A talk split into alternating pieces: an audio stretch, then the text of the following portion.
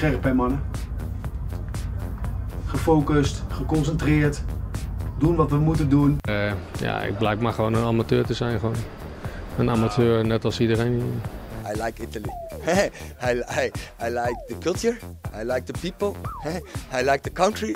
Nou, na afloop uh, werden we gefeliciteerd door de Belgen om ons heen. Ja, gefeliciteerd, een punt. Nou, ik zeg jullie ook gefeliciteerd, uh, ook een punt. André Onana. Onana. En met die ruiters hetzelfde. Want zoals ik hem opschrijf, schrijft geen mensen hem op. Ja, Pak het kwijt, joh. Ja. Want ik kan niet wachten. Ik, ik mag het niet zeggen van mijn klusje. Maar wij zijn toch echt de beste. Gisteren, hè? lul, man. Ah, dat vind ik zo lul. In 3, 2, check maar. Hey. We are going on a summer holiday. Jack van Gelder, dames en We're working for a week or two. Yeah.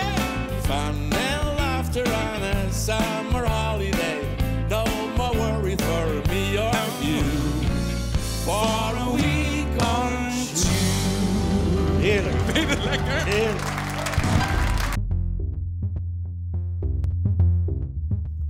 Dit is een Tevomelo productie. Geschreven en ingesproken door Jordi Naomuri met gastoptredens van Niels Beltman en Gerald Kuitens. Hoe een kelderklasseteam hun vijfjarige kweeste volbracht. Dit is een verhaal over hoe het begon en over hoe het zich voltrok. Een verhaal over hoe kleine momenten de grootste betekenis krijgen. Over winnen en verliezen. Over de liefde voor de bal, over mensen.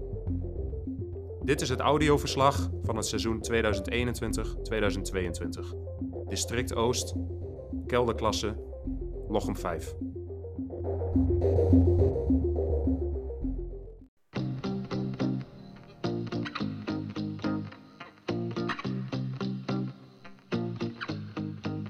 De proloog.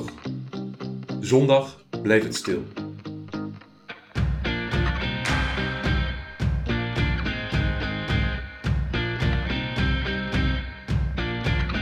Mannen, komend seizoen moet het gebeuren, sprak de co-captain. Beter wordt het niet. Hij schrok van zijn eigen bijzin, maar het was eruit voor hij er erg had. Het enkel minder dat hij eraan had willen toevoegen, slikte hij snel weer in. Aan de ogen om hem heen, die plots met schrik en herkenning waren gevuld, zag hij dat er genoeg waren die de zin zelf al met woorden van eenzelfde strekking hadden aangevuld. Even was het stil. Hier en daar klonk voorzichtig gelach door en een gevatte opmerking van kuiters of kuiters later was van het ongemak vakkundig een geintje gemaakt. Maar de toon was gezet. De woorden deden hun werking. Flinterdunne straaltjes van besef en urgentie over de opgave waar we voor stonden braken door de façade van voorseizoensgezelligheid. Joey voelde de opnuchterende werking aan die de woorden hadden en deed een loopactie naar de koelkast voor een nieuwe ronde bier. Over een maand wachtte de eerste bekerwedstrijd en zouden we echt weten hoe we ervoor stonden. In onze hoofden waren we nog allemaal de jonge goden die twee seizoenen geleden op weg naar hun eerste titel plotsklaps op zoek moesten naar een enorme koelcel voor hun ambities. Een kleine observatie van de verzameling heren om me heen vertelde een ander verhaal. Wallen, grijze haren, stramme bewegingen bij het opstaan, hoesjes, kortademigheid en wat strakke gespannen teampolo's verraden pasgeboren kinderen, jaren die begonnen te tellen, COVID-herstel, luiheid en Hollands welvaren. Thomas en Paul zongen het al. Als het vuur gedoofd is, dan komen de wolven. Twee jaren aan coronabeleid draaide het vaderlandse amateurvoetbal zowat de nek om. Er wakkerde nog slechts een klein waakvlammetje, maar we leken nu eindelijk weer zuurstof te krijgen. De brandstof dienden we zelf te leveren en het grootste gevaar van het niet hervinden van de motivatie was geweken. We hadden de tijd overbrugd, het vuur levend gehouden. Een avond als deze bracht de bravoure en kampioensaspiraties terug. Die waren onverminderd groot. Nu het voetbal nog. Herman mag voorop, heeft het als enige niet koud. Want hij gaat strak gekleed in een kist van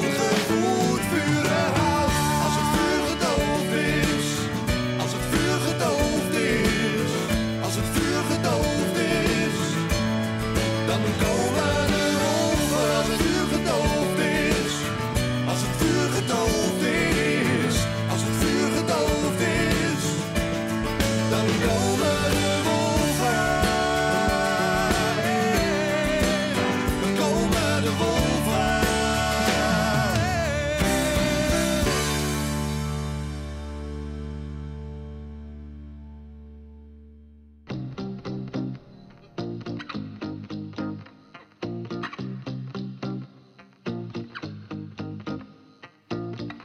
Deel 1. De voetballer.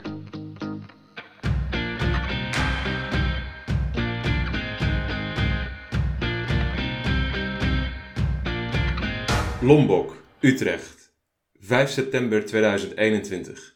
Fris bewolkt weer. Ik zet mijn spullen in de Volvo en plaats mijn vers ingevette voetbalschoenen op een krantje voor de bijrijdersstoel.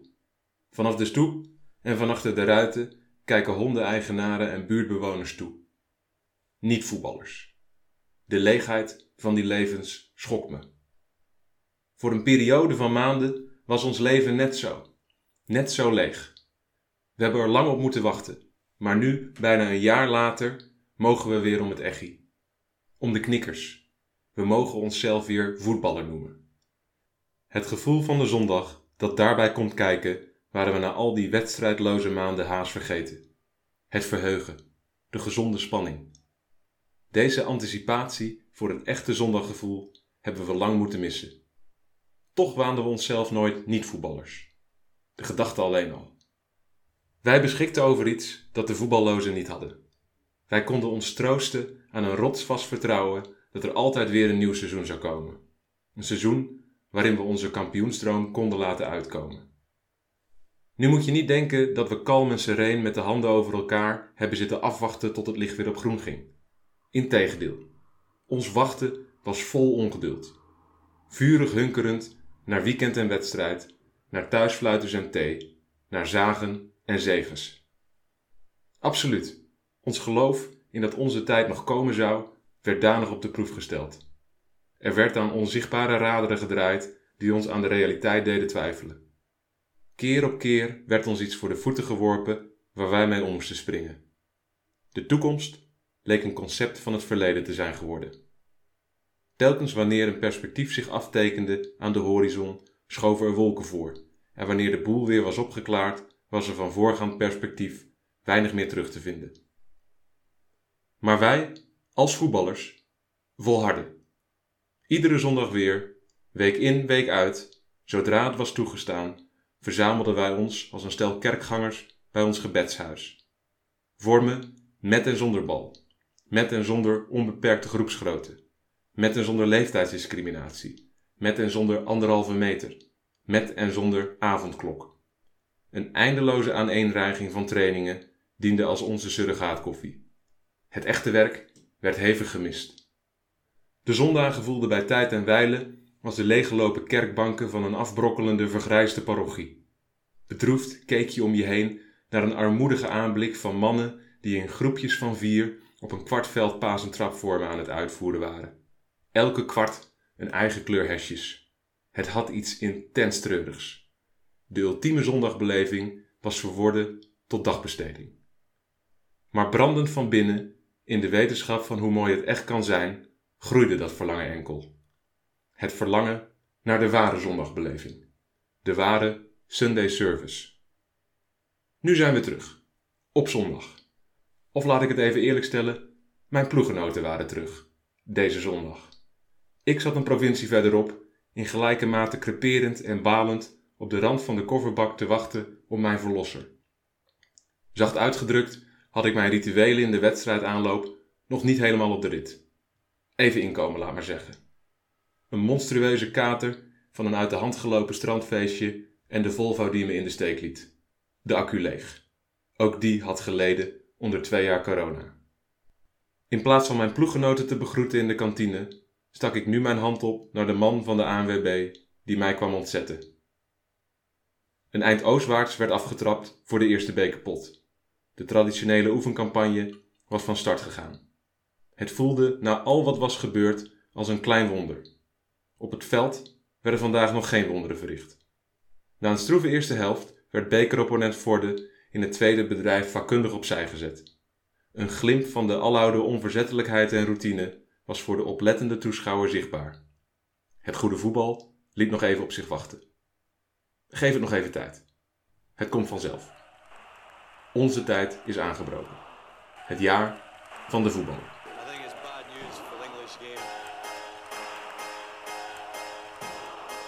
We're not creative enough. We're not positive enough.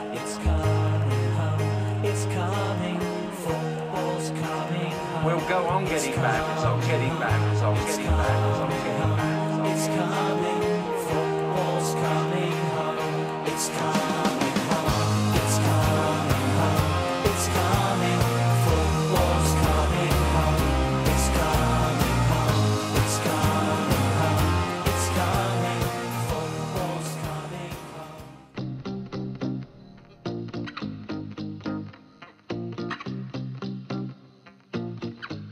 Deel 2. Chi mena per primo, mena due volte.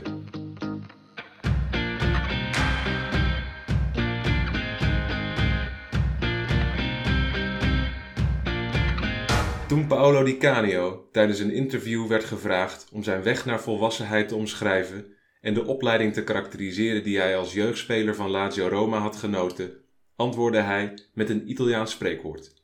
Chi mena per primo, mena due volte. Het betekent zoveel als wie het eerst slaat, slaat twee keer. Als we iets hebben geleerd van de afgelopen seizoenen, is om de competitie aan te vliegen als een straatwijze klootzak à la terend op klasse en geslepenheid. In de praktijk komt dit neer op drie fases die je moet doorlopen en die je bij het succesvol doorstaan van de fases afzetten bij het pad naar victorie. Vanaf daar is het één rechte lijn naar de schaal. Kleine disclaimer: dit is pure theorie, de werkelijkheid is grilliger.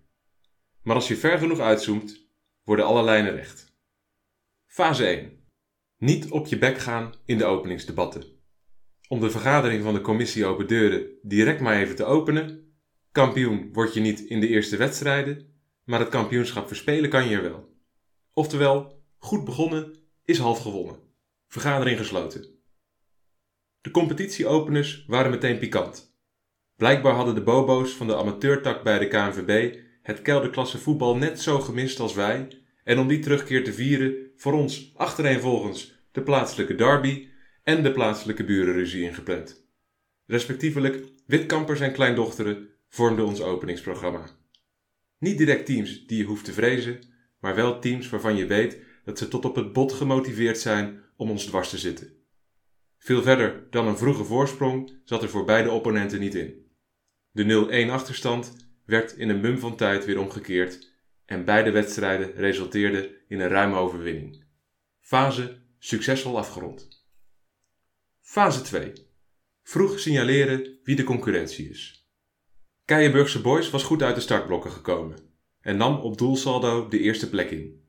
De heren in het oranje kenden we nog van twee seizoenen terug en stonden bij ons in het scoutingsboekje als een taaie en fysieke ploeg. Alhoewel we nog nooit van ze verloren hadden, konden we onze borst nat maken voor een lastig tweeluik, waarvan zeker de uitwedstrijd op de Keienborgse akker niet helemaal binnen onze comfortzone lag. Maar dat was voor later in het seizoen, als ze dan nog in de buurt stonden. Toch meenden we dat het primaire gevaar uit een andere hoek kwam. Een gevaar waar we al in de derde speelronde op bezoek mochten.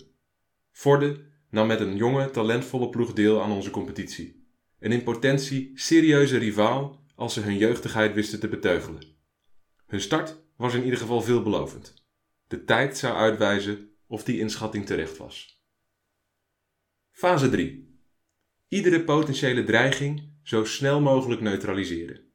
Dit betekent dat iedere tegenstrever, elke uitdager, direct moet worden geconfronteerd en terechtgesteld. Publiekelijk. De koppositie moet je afdwingen. Niet onnodig de spanning opvoeren, maar degelijkheid en betrouwbaarheid tonen wanneer het moet. Als een roofdier dat geduldig wacht op het juiste moment om toe te slaan. Je prooi in de nek grijpen, doorbijten maar. Er werd tot die mooie herfstdag in oktober strijd geleverd op de loodzware mat in Vorde. Wij kwamen bovendrijven, de doodstrijd was voor Vorde. Met de rust was de eindstand van 1-2 door twee goals van Renzo met Mike als aangever bereikt. Daarna was het ploegen om de zege veilig te stellen. Het was klinisch, zonder al te veel mededogen, zonder al te veel franje. Drie punten zijn drie punten, fases doorstaan. Paolo gaf ons een goedkeurende, niet-fascistische groet. Voor onze attitude. Daar wil ik de vergelijking ook graag stoppen. Bij het spreekwoord. Niet dat u gaat denken dat Lochem ook maar enigszins gelijkenissen vertoont met het rauwe straatleven in de Romeinse wijken van de jaren 70 en 80. Of dat de controversiële denkbeelden en gedragingen van Di Canio ook maar enigszins overeenkomen met de mores en tradities van ons team. Wij zijn een hoop gradaties minder geniaal en gelukkig tevens een hoop gradaties minder maniacaal. Wij sloegen, wij raakten twee keer, een zespuntenwedstrijd in ons voordeel beslist. De jaren vol inspanningen en teleurstellingen hadden van ons een stoïcijns en meedogenloos monster gemaakt, dat bij tijd en wijle nog even speelde met de slachtoffers die zijn maaltijd vormden. If you run, the beast catches you. If you stay, the beast eats you. De coming of age van een kelderklasse team. Vamos voltar a pilantrar. Deixa comigo. Musiquinha pra machucar os corações. Nem vem que não tem. Nem vem de garfo que hoje é dia de sopa. Esquenta o ferro, passa minha roupa. Eu nesse embalo vou botar pra quebrar. Sacundim, sacundá,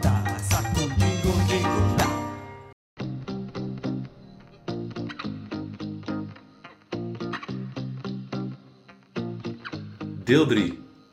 Langs de rand van de afgrond groeien de mooiste bloemen.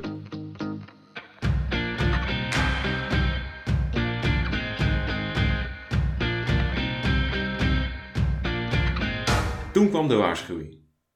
Gedurende de eerste weken was er al een voorzichtige trend zichtbaar geworden. Een trend die overigens volledig overstelpt werd door ons scorend vermogen en de euforie van een overwinning op een directe titelconcurrent. Maar die desondanks niet minder serieuze vormen begon aan te nemen. We waren namelijk in alle drie de speelrondes op een 0-1 achterstand gekomen. Ja, het zegt iets over onze veerkracht. We laten ons niet meer gek maken door een kleine tegenslag die je kan uitdrukken in minuten. Daarvoor hadden we immers al te veel tegenslagen gezien die zich in een orde grootte van maanden, seizoenen en jaren lieten omschrijven. Ja, het zegt iets over onze onoverwinnelijkheid. We kunnen leunen op een heilig vertrouwen in ons collectief en hebben het geloof dat kwaliteit altijd komt bovendrijven. Dat kan ook na een half uur of in de tweede helft. Desalniettemin moet de kanttekening geplaatst worden dat iets zich net zo lang laat omschrijven als veerkracht totdat het niet meer veert. Iets laat zich net zo lang omschrijven als onoverwinnelijkheid totdat je overwonnen wordt. Tegen GSV op eigen veld in speelronde 4 veerde het nog net genoeg. Weer 0-1 achter. GSV overwon niet, maar een tikje werd door ons geïncasseerd. Met 1-1 zochten we de kantine op. De omstandigheden waren door blessures en afwezigen op cruciale posities verzachtend, maar de stemming was niet minder zuur. De perfect score behoorde na vier potjes al niet meer tot de mogelijkheden. Een goede week later was de juichstemming weer terug, toen zowel Forde als KB punten lieten liggen en wij dieren uit zonder botbreuken of blauwe ogen hadden overleefd. Ik wil aan die confrontatie in dieren nog enkel toevoegen dat wij na die ervaringen enorme pleitbezorgers zijn geworden voor het verplicht invoeren van softdrugsgebruik voor scheidsrechters bij risicowedstrijden. Deze beste leidsman inhaleerde zich een weg uit de potentiële veldslag en had in de rust duidelijk voldoende inspiratie opgedaan om de spreekwoordelijke lont weer uit het kruidvat te halen. De Turkse horde werd succesvol in bedwang gehouden. De herfst was inmiddels ver gevorderd en nam een aanloop om in de wintermaanden aan te landen. In de tussentijd hadden we nog enkele teams met groot gemak opgeveegd. Wedstrijden waarin we zonder problemen het doel schoon wisten te houden. De trend leek dan ook gekeerd. Tot daar, op de grens van herfst en winter, SVBV3 op bezoek kwam. De mannen uit Bargem hadden slim ingeleend en een ploeg op het veld gezet die om de bovenste plekken mee had kunnen spelen. Het vormde de opmaat naar de grootste comeback uit de moderne post-corona geschiedenis van het Nederlandse amateurvoetbal. De start van de eerste helft liet nog niet blijken dat een daverende surprise in de lucht hing. Wij startten zoals gewoonlijk ons dominant aanvalspel op en het leek slechts een kwestie van tijd voordat we dat zouden uitdrukken op het scorebord. Het liep anders. Twee van onze aanvallende corners werden afgeslagen en op haast identieke wijze werden we eruit gecounterd. Bargem was zo effectief als het maar zijn kon. Toen 10 minuten voor rust een corner van hen, die tartte met alle wetten van de natuur, er ook nog in één directe streep inging, was de eerste helft gedaan. Het gevoel waarmee we richting de thee gingen, liet zich nog het best omschrijven als ongeloof. Puur ongeloof. Gek genoeg was van verslagenheid geen sprake. Maar hoe gingen we dit in hemelsnaam nog keren? Je hebt bergen, je hebt Alpen en je hebt Himalaya-reuzen. Op dit moment stond er eentje uit die laatste categorie tussen ons en de overwinning in. 0-3 achter op eigen veld was toch wel even net iets anders dan de 0 eentjes die we tot nu toe hadden meegemaakt. De woorden die in de rust werden uitgewisseld waren eensgezind en helder. De betere ploeg stond achter en dik ook. Als we nog iets aan de uitkomst wilden veranderen, moesten we scoren en ons door het momentum laten meevoeren. Als we zouden verliezen, dan niet zonder onze huid zo duur mogelijk te verkopen. Overgeven nooit. De strijdbaarheid spatte er vanaf. We trapten af voor de tweede helft, op zoek naar een snelle goal. We zochten naar openingen in de defensie van Bargem om een weg te creëren naar het doel, maar wat we ook poogden, de bal ging er niet in. De minuten tikten weg en we waren het uur inmiddels gepasseerd. Toen, op het randje van dat je gaat denken dat het tijdtechnisch nu wel een heel ingewikkeld verhaal gaat worden om er nog drie te maken, gebeurde het toch. Het momentum was daar. Brian brak met een goede actie buitenom, links door de verdediging heen en trok de bal voor. Verder ronde af. 1-3. Opluchting. We konden nog scoren vandaag. Een paar minuten later was het weer raak. De Bargemse goalie verwerkte een afstandsschot van Brian voor de voeten van Bart, die de rebound met een voor hem atypische koelbloedigheid dankbaar in de goal werkte. Nu doordrukken hoorde je iedereen zeggen, zag je iedereen denken, maar het viel wat stil. Grote kansen werden gemist.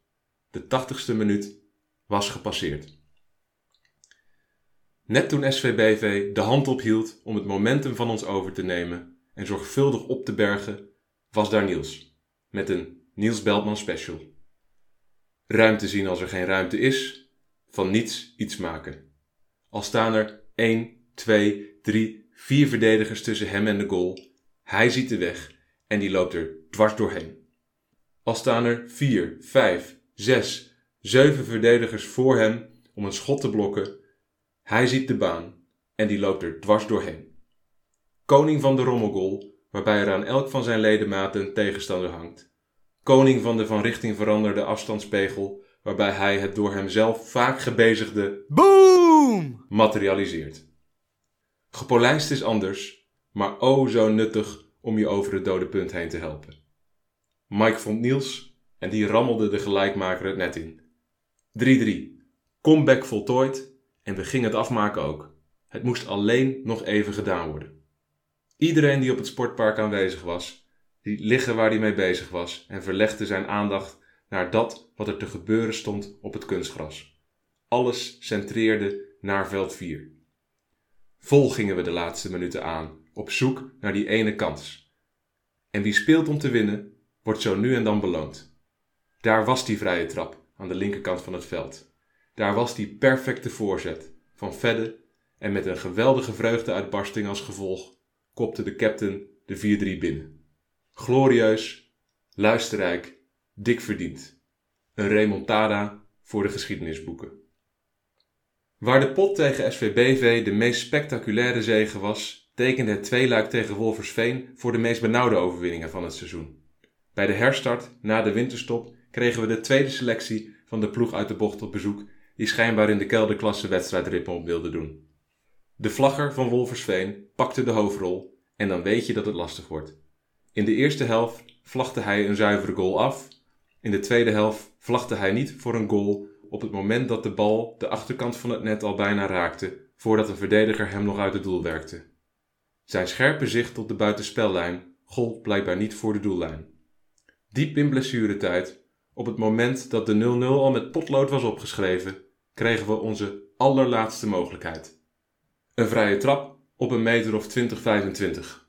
Verder ging achter de bal staan. All of 30 yards, Andy? Oh, why not? A, it's a 30 yard free kick with a 20 yard run up. Dear, dear! I don't believe it! What a goal we have just seen from Roberto Carlos! That is amazing! Well, that was what was missing in Euro 96. That is quite incredible. Not so sure about the goalkeeper's position and what he saw, but we can't deny the quality of the strike. It had power, it had bend, it had accuracy. Watch this. Starts way, way, way wide of the goal. That's two, three yards wide and just clips the inside of the post. That is quite a magnificent free kick. I'm not so sure we'll see one better than that for many, many a year. Quite exquisite. Roberto Carlos wordt altijd geroemd om die ene vrije trap. Die moeilijk harde uithaal met die abnormale curve tegen Frankrijk. Begrijp me niet verkeerd, een ongeëvenaard kunststukje. Maar ik zal de bal die nu geschoten ging worden altijd boven deze plaatsen. En wel hierom. De vrije trap van Roberto Carlos had nul betekenis. Hij schoot raak na een minuut of twintig in een niet gewonnen wedstrijd op een vriendschappelijk opwarmtoernooi dat helemaal nergens om ging. En laten we eerlijk zijn, Fabien Barthez was ook een beetje een koekenbakker met korte armpjes. Verder liep aan en krulde de bal op heerlijke wijze in de rechte kruising. Wolversveen uit was van een andere orde. Nergens waait het zo hard als bij AZ, kopte de Telegraaf een paar jaar terug. Nou, bij stadion De Stikkebocht vergeleken is het AVA-stadion een oase van rust en kalmte. Op een veld waar je geen tegenstander nodig hebt om je enkels te breken, stormde de wind dwars over het veld. Iedere hoge bal waaide zo het naastgelegen weiland in. Het draaide voor meter en een 1-0 achterstand bij rust gaf ons nog een hoop werk te doen. Gelukkig waaide de bal in de tweede helft een paar keer gunstiger voor ons en had Brian de elementen in de eerste helft kundig bestudeerd om in het tweede deel toe te slaan. Op aangeven van Fedde en Mike sloeg onze veelscorende linkerspits twee keer toe en stapten we met een 2-1 winst van het veld. De zoveelste wederopstanding voltooid. De comebacks en benauwde overwinningen waren onze specialiteit geworden en gaven het seizoen diepgang en rijkheid. Goed voor je hart is anders. Maar, zoals mijn oom Theo altijd zegt, langs de rand van de afgrond groeien de mooiste bloemen. En wij hadden inmiddels een enorm boeket vol zeldzame tropische bloeiers bijeengespeeld. Deel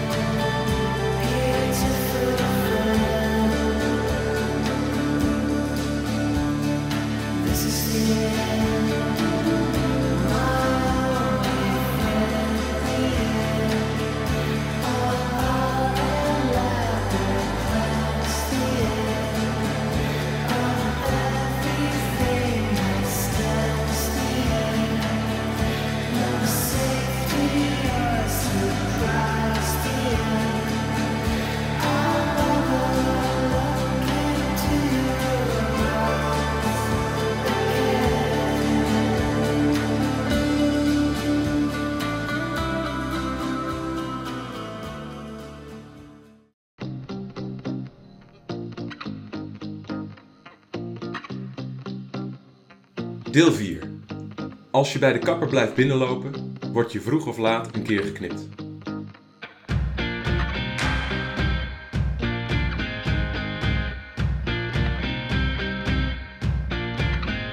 De tweede seizoenshelft draaide vooraleer we aan het kampioenschap konden denken, maar om één ding. Het allesbepalende tweeluik voor de thuis, Keienburg thuis.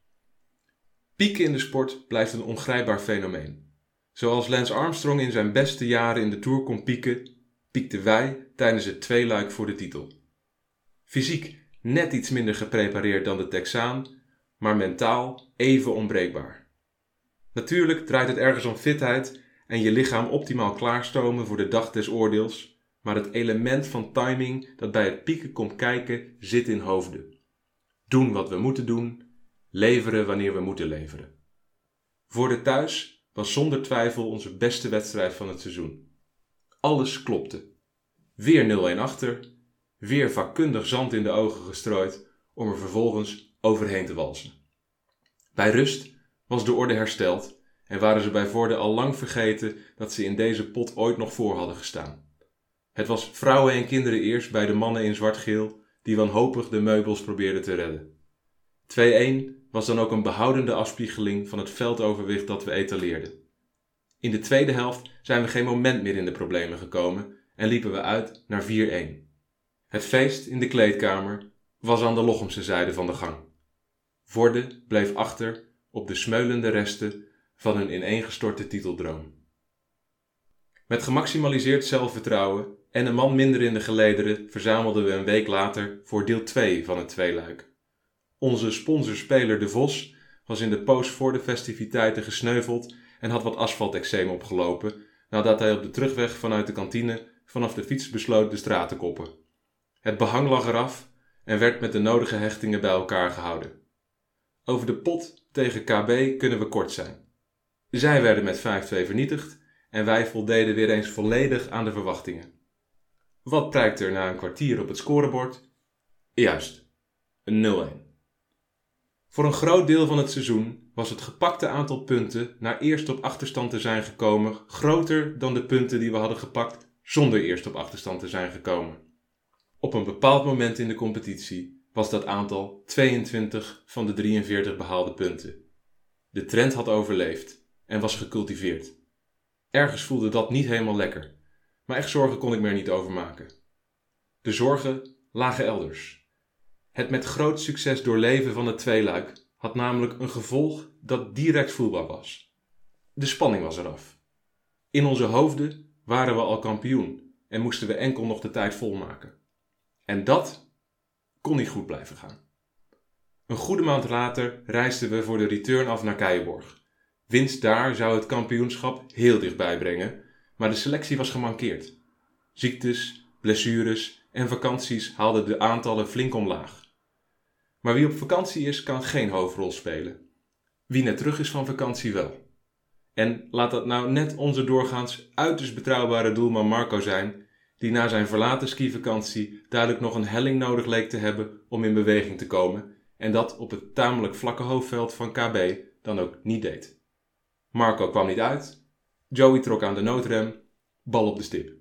U raadt het al, het wordt repeterend, 1-0 achter. Onze dodelijkheid voor de goal haperde en met deze achterstand gingen we rusten.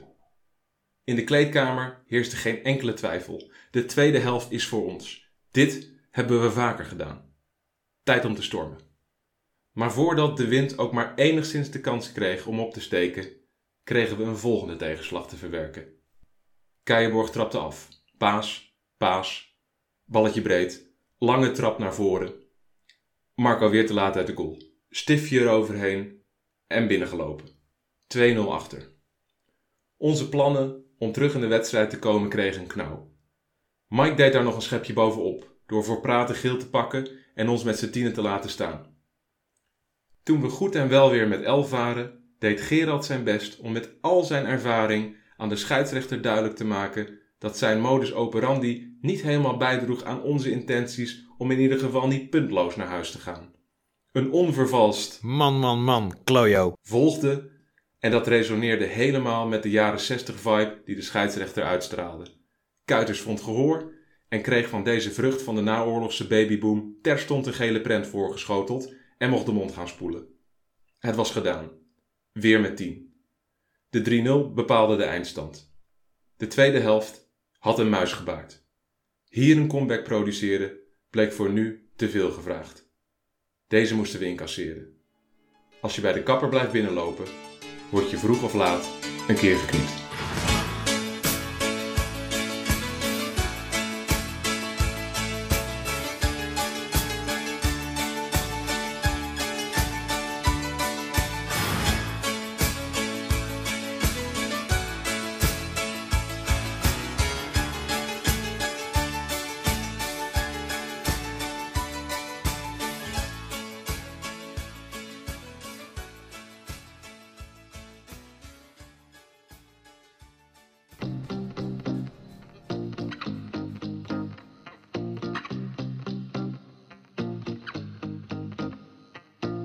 Deel 5. Beter werd het niet.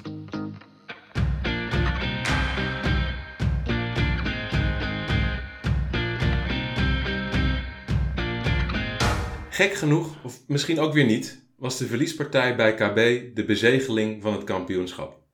Het verlies had ons wakker geschud.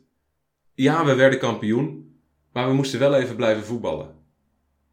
De gewoonte om te winnen werd door ons weer opgepakt En op een zondagmiddag waarop we totaal niet hadden verwacht, kwam er opwindend nieuws uit Vorden. Ze waren op eigen veld niet verder gekomen dan 2-2 tegen de hekkersluiter, waar wij cumulatief met 26-0 van hadden gewonnen dit seizoen. Een absolute off-day. De rekensom werd gemaakt, nog twee keer winnen en dan was het binnen. Alles kon gereed worden gemaakt voor dat ene moment. Kampioenshirts en vlaggen werden ontworpen, de schaal werd gegraveerd en in België werden een paar sterretjes gehaald. Alles klaar voor die ene zondag. Die ene zondag in het paradijs. Het was warm. De zon scheen volop en het sportpark in Groenlo lag te schitteren in het licht. Om het helemaal af te maken kregen we een grasmat voorgeschoteld die zomaar in de prijzen had kunnen vallen bij de jaarlijkse awards voor tuin- en landschapsarchitectuur. Het verloop van de wedstrijd kon niet beter. De lichte spanning die aanwezig was, werd snel gebroken en we kwamen zorgeloos op een ruime voorsprong voor rust. Vanaf dat punt kon er naar hartelust gewisseld worden en was het vierde begonnen. Wat volgde was een tweede helft waarin vooral plezier werd gemaakt. Het publiek was in grote getalen gekomen en stond rijen dik langs het veld. De lucht trilde van vreugde en blijdschap en iedereen genoot zichtbaar van de geweldige sfeer die met z'n allen werd gemaakt. Fakkels ontbrandden en een enorm spandoek werd ontvouwd richting het laatste fluitsignaal. Een team vol met losers was een team vol met kampioenen geworden. De champagne werd ontkurkt. Ons geheim? Ik heb het al eerder genoemd. Een heilig geloof in ons collectief. Op het veld en erbuiten. Als een zorgvuldig uitgekozen outfit passen we bij elkaar. Zijn we het altijd eens? Nee, zeker niet. Is er nooit frictie? Nee, die is er wel. En dat is ook juist nodig. Om het met een praktische analogie toe te lichten, er loopt bij ons in het team een scheidslijn tussen de voorstanders voor bitterballen en voorstanders voor de hapjesmix. Maar aan het eind van de discussie eten we met elkaar de schaal leeg. Doel bereikt. Voorspelbaarheid en alleen maar gelijkgestemde wordt dodelijk saai. Als team zijn we daardoor een krachtig collectief, een eenheid, zolang je maar weet wat je aan iedereen hebt. Een statistiek die deze kracht uitstraalt is ons imponerende doelsaldo. 141 voor, 20 tegen. Aan de kant van de tegendoelpunten staat de bijzondere statistiek dat 10% van onze tegengoals is gemaakt door keepers. U hoort het goed, keepers. Die mannen met handschoenen aan van de tegenstanders. Vraag Haarman er maar eens naar hoe die eerste tot stand kwam. Dat kan hij wel waarderen. Aan de kant van de doelpunten voor een diepe buiging voor onze veelvraten voor de goal. Ze zien zichzelf misschien nog niet helemaal als een aanvalsduo, maar de cijfers vertellen een ander verhaal. 42 goals om 31 assists voor Brian en 33 goals om 30 assists voor Vedde. Duizelingwekkende aantallen waar sommigen van ons een carrière lang over doen. Ik vind het eigenlijk wel tijd worden voor een goede bijnaam voor dit duo. Dat niet meer staat tussen befaamde spitsenduo's uit het verleden die een bijnaam verdienden. Zoals Pizzatoni, Pizarro en Ailton bij Werder Bremen, SAS, Shearer en Sutton bij Blackburn Rovers, Zaza, Zamorano en Salas bij Chili en I Gemelli del Gol, Mancini en Vialli bij Sampdoria. Iets soortgelijks hebben ze wel verdiend. De postbus is geopend voor uw inzendingen. Waarbinnen het veld ons collectief zichtbaar is in onze optredens, komt buiten het veld ons collectief tot uiting in al wat we doen voor de club, in al wat we doen voor elkaar. De kracht van ons team wordt weerspiegeld en versterkt door onze brede supporterschade. En zo bezien laat dat wat we hebben gecreëerd zich misschien nog het best omschrijven als een sociale beweging. De woorden die ik uitsprak aan het begin van het seizoen kan ik bijstellen. Beter wordt het niet, werd, beter werd het niet. Het kon niet mooier. Nu gaan we het na al die jaren een niveautje hoger proberen. We zien jullie weer aan de zijlijn. Bedankt, kelderklasse. Je was goed voor ons. We hebben, na een hoop bloed, zweet en tranen, het keldertrapje eindelijk gevonden. God is dood, de staat faalt, maar het voetbal overwint.